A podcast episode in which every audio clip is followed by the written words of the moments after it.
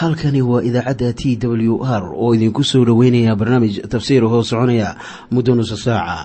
Waxaana barnaamijkan codka waayaha cusub ee waxbaridda ah idiin soo diyaariya masiixiin soomaaliya.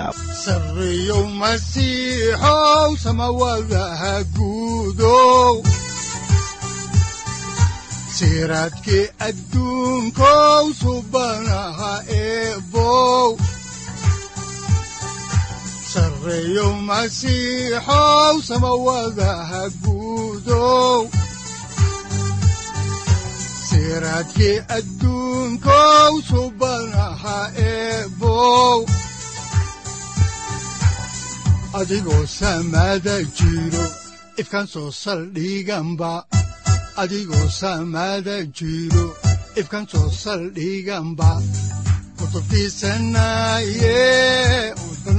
saaciiday sharxin sifahaaga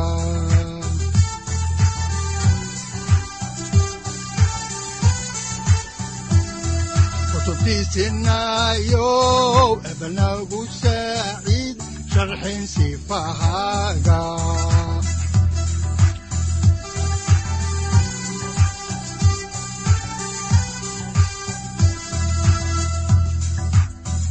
satirow ilaahow adanku su'aalne satirow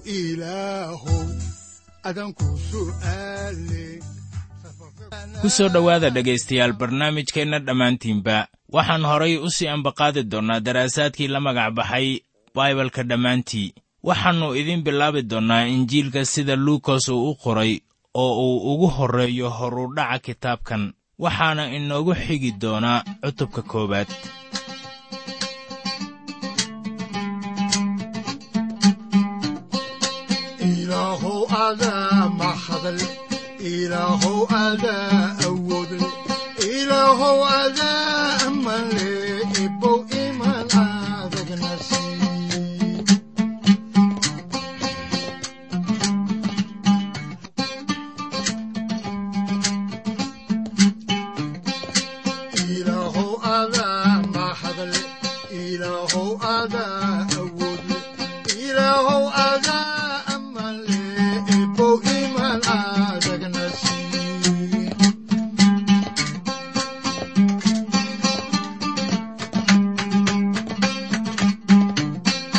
kay degradu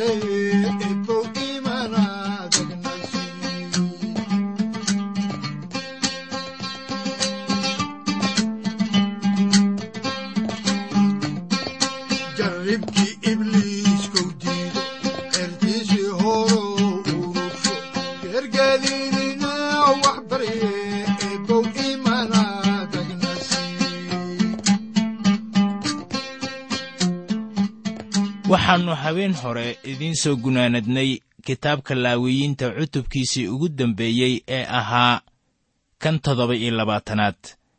Waxaanan caawa bilaabaynaa injiil qiimo weyn u leh dadka dunida kaasoo uu qoray nin aan yuhuud ahayn oo la odhan jiray ditor luukos. Wax ku saabsan qoraaga injiilkan. Haddaba luukos wuxuu ahaa dhakhtar gacaliye ah sida ku qoran warqaddii rasuul bawlos uu u qoray dadka kolosai cutubka afaraad aayadda afar iyo tobanaad oo leh waxaa idin soo salaamaya luukos oo ah gacaliyaha dhakhtarka ah iyo dimas. Haddaba ninkanu wuxuu ahaa nin hubantiyo la taaban karo oo cilmiyaysan ku hadla oo aan meermeerin wuxuuna ahaa aabbaha dawooyinka haddaba doorashadii ruuxa quduuska ah ee luukos loogu yeedhay inuu qoro injiilka saddexaad ayaa muujinaysa inaanay taasu ahayn amuur lama filaan ku timid. Waxaa haddaba jira doorasho aan caadi ahayn oo lagu doortay luukos.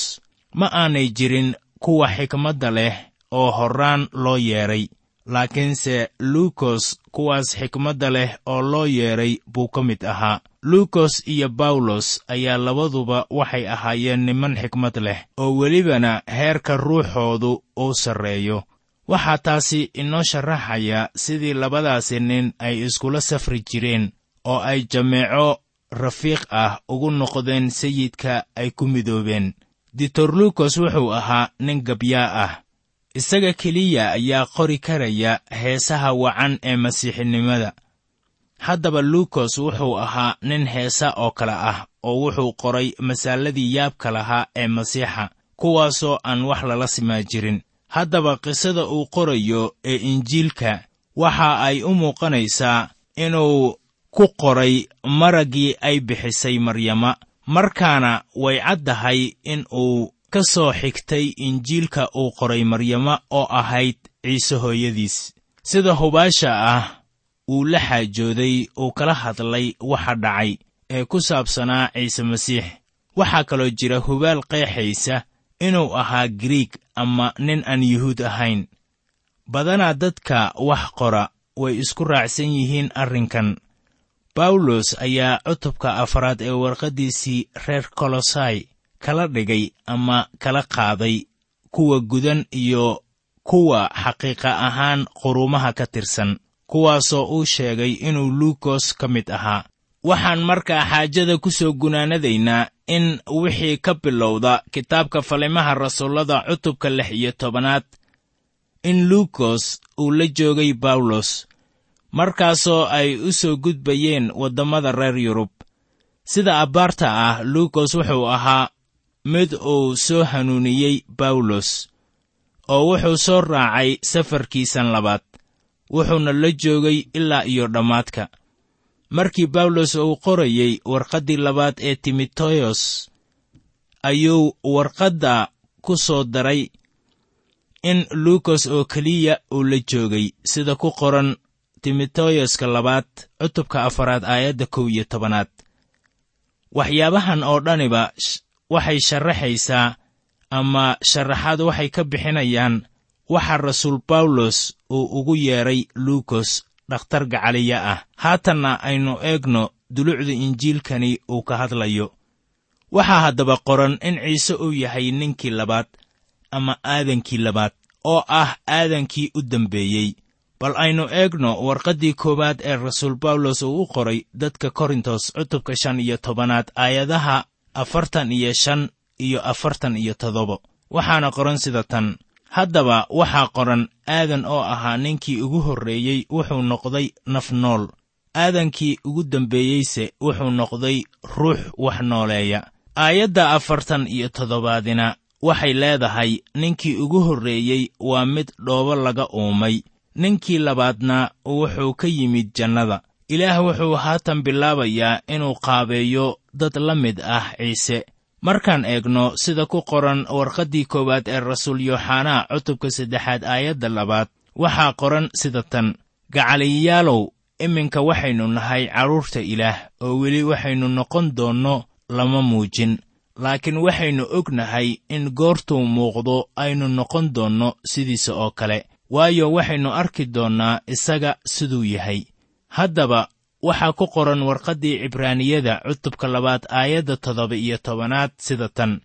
Haddaba waxaa isaga u ekayd inuu wax walba u ekaado walaalihiis inuu wadaad sare oo naxariis iyo aamin badan leh u noqdo xagga waxyaalaha ilaah si uu caratir ugu noqdo dembiyada dadka.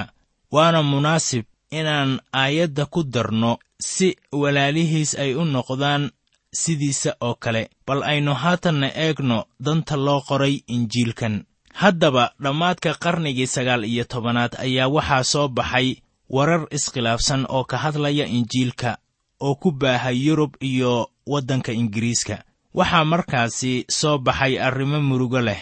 Kadib markii dad badani ay wax soo barteen xilliga loo yaqaanno victorian era marka dhanka kale laga eego waxaa bilowday mucaarad looga soo horjeedo xilligaas falsafaddii dadku uu aaminsanaa waxaana soo ifbaxay waxyaabo aan horay loo aqoon xilliyadii hore.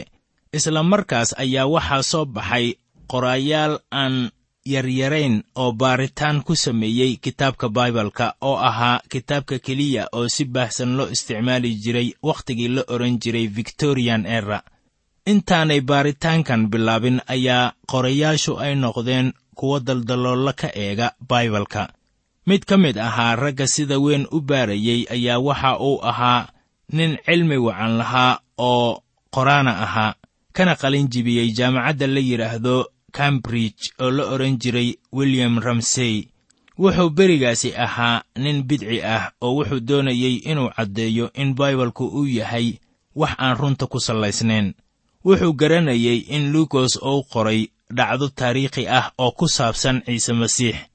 Sida ku qoran injiilka uu qoray wuxuu kaloo qoray safarkii bawlos ee kitaabka falimaha rasuullada. Wuxuu kaloo garanayey in taariikhda qorayaasha oo dhaniba ay sameeyeen khaldaad oo badankood ay abuureen wax been ah. Aqoonteenna ku saabsan wixii tegey ma ahan wax dhammaystiran sida abbaarta ahna u badan waxaan runta ku sallaysnayn iyadoo ay horreeyeen xaqaa'iq aan qiyaasnayn iyo niman taariikh qorayaal ah oo xag jira. Waxaa kaloo ay yidhaahdeen waxaa taariikhda hallaynaya waddaniyad diin iyo inaan had waliba meel u xaklinno oo aynaan taariikhda u qorin sida ay tahay. Waxay intaa raaciyeen in taariikhdu badankeed ay tahay qiyaas inta kalena ay noqonayso midabtakoor ama xafiilo ama karhid dadka aan kugu aragtida ahayn aad u qaadayso. Haddaba waxaa habboon in la yidhaahdo william ramsey wuxuu ahaa nin eexla'aan ah markii uu yimid aasiyada yar isagoo ah nin baara taariikhda oo doonaya inuu caddeeyo inaannu luukos ahayn taariikh qore balse uu yahay mid caadifad diimeed ay waddo. Wuxuu si taxadir leh u raacay safarradii bawlos wuxuuna daraasaad ku sameeyey aasiyada yar.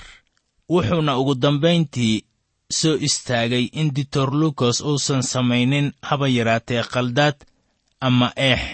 Markii uu qorayey taariikhda baaritaankaas uu sameeyey ayaa william ramsey ka dhigay inuu soo hanuuno uu noqdo masiixi wuxuuna qoray kutub qiimi leh oo ku saabsan safarradii bawlos iyo kiniisadihii ku yiilay aasiyada yar. Ditor luukos laba asbaab buu u qoray injiilkan isaga loogu magacdaray marka koowaad ujeeddadiisu waxay ahayd cilmiyan iyo taariikh ahaan. Haddaba markaan eegno afarta injiil ayaa injiilka luukos uu noqonayaa mid leh taariikh dhammaystiran oo si wacan loo sharaxay haddaba waxaa laga dhex helayaa injiilkan luukos uu qoray waxyaabo uu soo xiganayo oo ku saabsan maxadyo dhaqan qariidado iyo taariikhdii berigaas kuwaas oo aan laga helaynin injiilada kale. Tan labaad ee ah dannigii uu u qoray ayaa waxay tahay inuu ahaa nin xiiseeya howlaha diimaha ku taxalluqa wuxuu markaasi ciise dadka ugu soo bandhigayaa sida mid kaamil ah oo leh awood rabbaani ah oo welibana ah badbaadiyaha dunida. Ciise masiix wuxuu ahaa nin rabbaani ah oo dunida ku yimid isagoo jir leh. Haatanna aynu eegno isku barbardhigga injiilkan iyo injiilada kale. Kow injiilka sida matayas uu u qoray wuxuu adkaynayaa in ciise uu yahay masiixa. Labo injiilka sida markos uu u qorayna wuxuu adkaynayaa in ciise uu yahay addoonkii ilaaha abuuraha ah. Saddex injiilka luukos siduu u qoray wuxuu adkaynayaa in ciise uu yahay nin kaamil ah. Afar injiilka sida yooxanaa uu u qorayna wuxuu caddaynayaa in ciise uu yahay wiilkii ilaah oo dunidan u yimid isagoo jir leh. Haddaba waa wax xiise leh inaan maanka ku hayno in yooxanaa uusan isticmaalin caddaymo saynis ah. Markii uu lahaa ciise samada ayuu ka yimid oo wuxuu la mid ahaa ilaah. Wuxuuna noqday sida dad. Markaana ditor lukos wuxuu noo sheegayaa inuu ka baaraan degay xaalka ku saabsan ciisihii reer naasaret oo wuxuu soo ogaaday in ciise uu yahay wiilkii ilaah. Wuxuuna guddoonsaday isla sidii yooxanaa laakiin qaabka luukos u raacay iyo xirfaddiisu way ka duwanayd tii yooxanaa matayos wuxuu dadka u soo hordhigayaa ciise sida inuu yahay masiixa boqorka iyo bixiyaha. Markosna wuxuu dadka u barayaa ciise sida inuu yahay hoggaamiye xoog leh iyo mid dunida maamula. Yooxanaana wuxuu ciise inoo barayaa sida inuu yahay wiilkii ilaah. Markaan ku soo noqonno luukos ayaa luukos wuxuu ciise masiix inoo barayaa sida inuu yahay nin kaamil ah oo ah wiilkii ilaah iyo wadaadkeenna sare oo ay taabatay dareenka kaamil darradeenna oo wuxuu awood u lahaa inuu caawimaad naxariis iyo jeceyl inoo fidiyo. Haatanna aynu eegno sidii taariikhdu ay ahayd xilligii luukos uu qoray injiilkan. Luukos wuxuu injiilkan u qoray marka hore raggii ay isku waddanka ahaayeen sida matayosba uu ugu qoray dadkii yuhuudda ahaa luukos wuxuu u qoray injiilkan dadka giriigta ah iyo dadka culuntoodu ay sarrayso. Afar qarni ka hor dhalashadii ciise masiix ayaa dadka giriigta ah ay soo galeen taariikhda dunida. Iyagoo wato aqoon sare iyo ilbaxnimo ayaan dunida horay u arag. Haddaba ilaahyada giriigta waxay ahaayeen kuwo niman loo ekaysiiyey bilxaqiiqa ilaahyadoodu waxay ahaayeen wax dad ay gacmo ku sameeyeen. Markaasaa bawlos uu yidhi injiilku wuxuu giriigtu u yahay nacasnimo laakiin weliba wax buu ka yidhi fikirka dadka giriigta ah. Wuxuu ku yidhi qarniyadii la soo dhaafay waxaa jiray dunidan qurumo oo aan wax rajo ah lahayn oo ilaah la'aan ahaa. Waxaan markaasi idinku leeyahay kuwaasu waa giriigta saaxiibayaal. Waxaan markaa u baahannahay haddii aan soomaali nahay inaan wada dhegaysanno injiilkan uu qoray luukos kaasoo qudhiisaba ahaa dadka aan yuhuudda ahayn. Waxaan markaasi halkaasi ka samayn karnaa baaritaan aynu innaga qudheennaba baarayno cidda ciise masiix uu ahaa iyo faa'iidada inoogu jirta. Haddii nin giriig ah uu ka faa'iidayo ciise masiix dabcan nin soomaali ahna wuu ka faa'iidayaa. Laakiin bawlos ayaa xitaa u sheegay iyaga markii wakhtiga qumani uu yimaado in ilaah uu soo dirayo inankiisa oo ka dhashay haween kuna hoos dhashay sharciga. Wiilkanuna wuxuu u dhintay iyaga. Bawlos wuxuu qaaday jidkii reer rooma isagoo ku hadlaya luqad ay wada garan karaan oo ku wacdiyaya injiil caan ah oo ka hadlaya ninkii kaamilka ahaa ee u dhintay dadkii dunida. Haatanna aynu eegno maaddada ah xaaladaha qaaska ah ee ku qoran injiilkan. Kow inkastoo injiilka luukos uu ka mid yahay injiilada loo qoray sida dulmarka ah ayaa haddana waxaa jira sheekooyin badan oo ku qoran kuwaasoo ay qorin matayos iyo markos. Labo ditor lukos wuxuu qoray heesaha masiixa dhalashadiisa la qaado. Saddex ditor lukos ayaa wuxuu qoray qisada ugu dheer ee injiiladu ay ka qoraan dhalashadii masiixa oo uu ka dhashay bikradda. Labada cutub ee ugu horreeya wuxuu inagu siinayaa qoraal ku saabsan dhalashadaas bikradda uu ka dhashay ciise masiix oo aan innaba lahayn maldihid iyo qallooc haddaba warbixin cad oo wacan oo ku saabsan dhalashadaas bikradda ayaa waxaa ina siinaya doctor lukos afar doctor lukos wuxuu ina siinayaa oo kale labaatan mucjiso oo lix ka mid ahi ayaan ku qornayn injiilada kale. Shan wuxuu kaloo doctor lukos ina siinayaa saddex iyo labaatan masaal oo siddeed iyo toban ka mid ahi ayaan ku qornayn meel kale. Masaalka ku saabsan wiilkii wixiisii khasaariyey iyo ninkii reer samaariya ee wanaagsanaa marka la eego ayaa injiilkanu uu noqonayaa mid la yaab leh. Lix wuxuu kaloo ina siinayaa qisada ku saabsan nimankii ku socday waddada emaa'os markii ay ka hadlayeen sayidkeennii sare kacay. Waxay tanu caddeen u tahay in ciise weli uu yahay bini'aadan kadib markii uu sare kacay haddaba ditor lukos wuxuu tilmaamayaa in sare kiciddiisu ayan ahayn xagga ruuxa laakiin ay tahay xagga jidhka ciise wuxuu lahaa jir bini'aadan wuxuuna ku kacay ama lagu sare kiciyey jidhka ruuxa.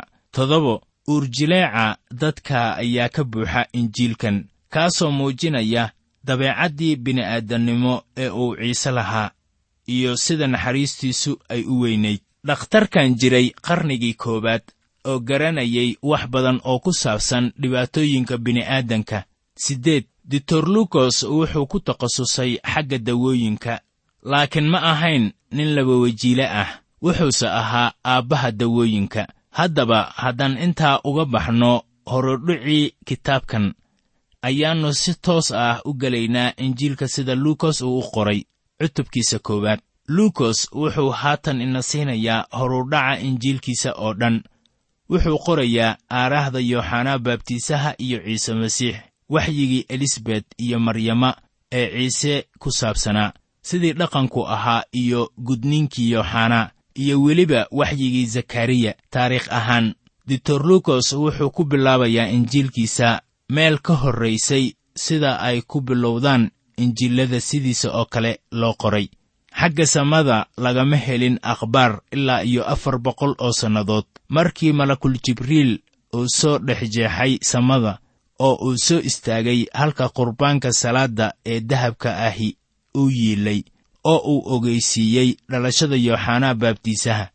Luukos wuxuu inoo sheegayaa qisada oo dhan iyo weliba dhalashadii yooxanaa baabtiisaha iyo ciise masiix. Haddaba saddex hees baa ku qoran cutubkan koowaad kow salaantii elisabet iyo maryama. Waxaad ka helaysaan aayadaha afartan iyo labo ilaa afartan iyo shan. Labo heestii maryama waxaad ka helaysaan lix iyo afartan ilaa shan iyo konton.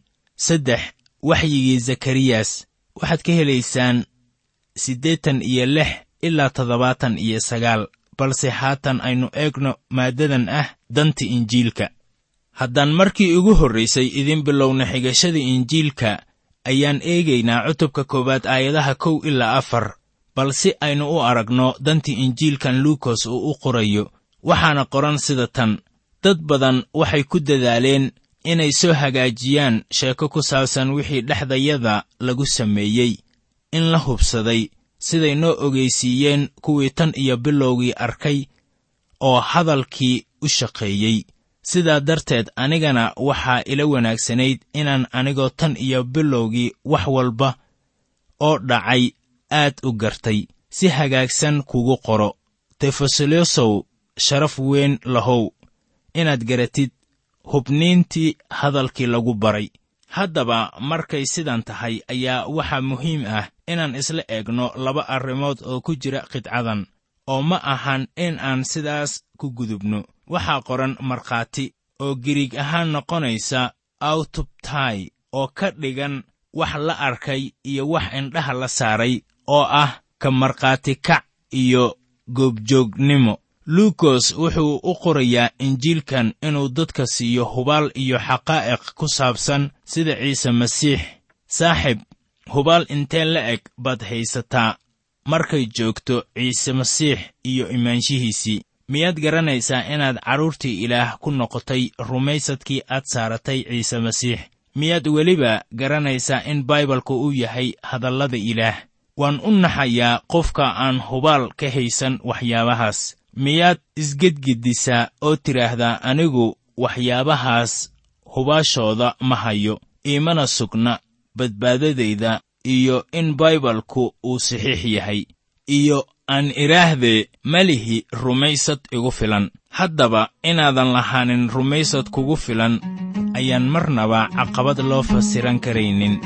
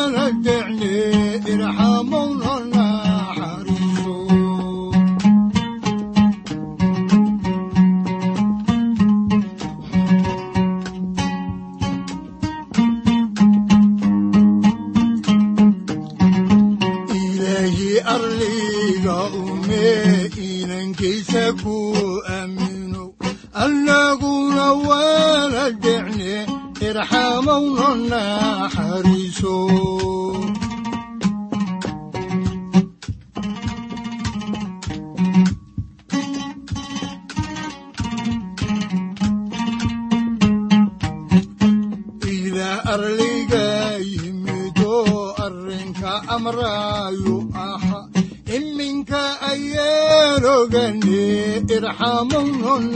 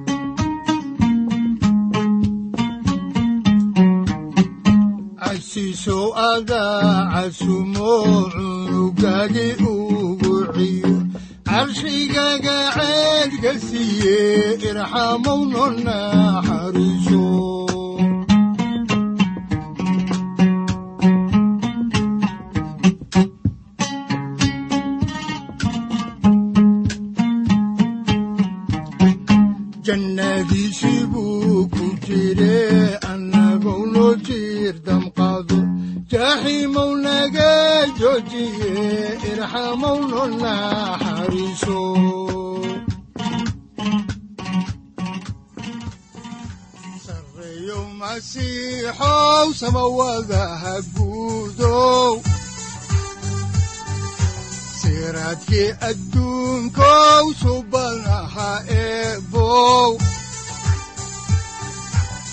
adigoo samada jiro ifkan soo saldhiganba adigoo samada jiro ifkan soo saldhiganba saaciiday halkani waa t w r idaacadda t w r oo idinku leh ilaa ha idin barakeeyo oo ha idinku anfaco wixii aad caawi ka maqasheen barnaamijka.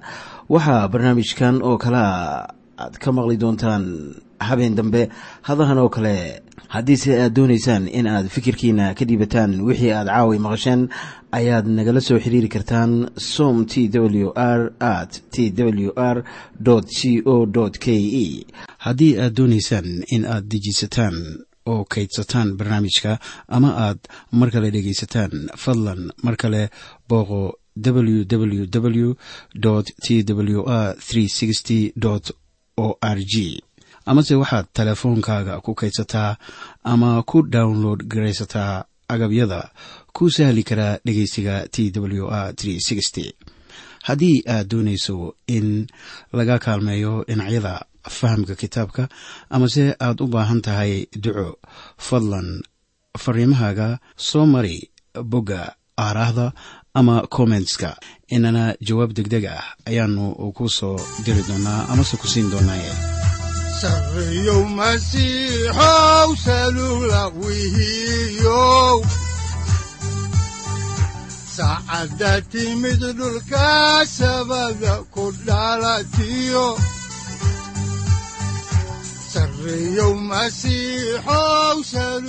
halkani waa t w r oo idiin rajaynaya habeen baraare iyo barwaaqaba leh inta aynu ka gaari doono wakhti aynu ku kulanno barnaamij la mida kan caawayay aad maqasheen. Waxa aan idinku leeyahay nabadda ciise masiix ha idinku badato xagga jidhka iyo ruuxaba. Aamiin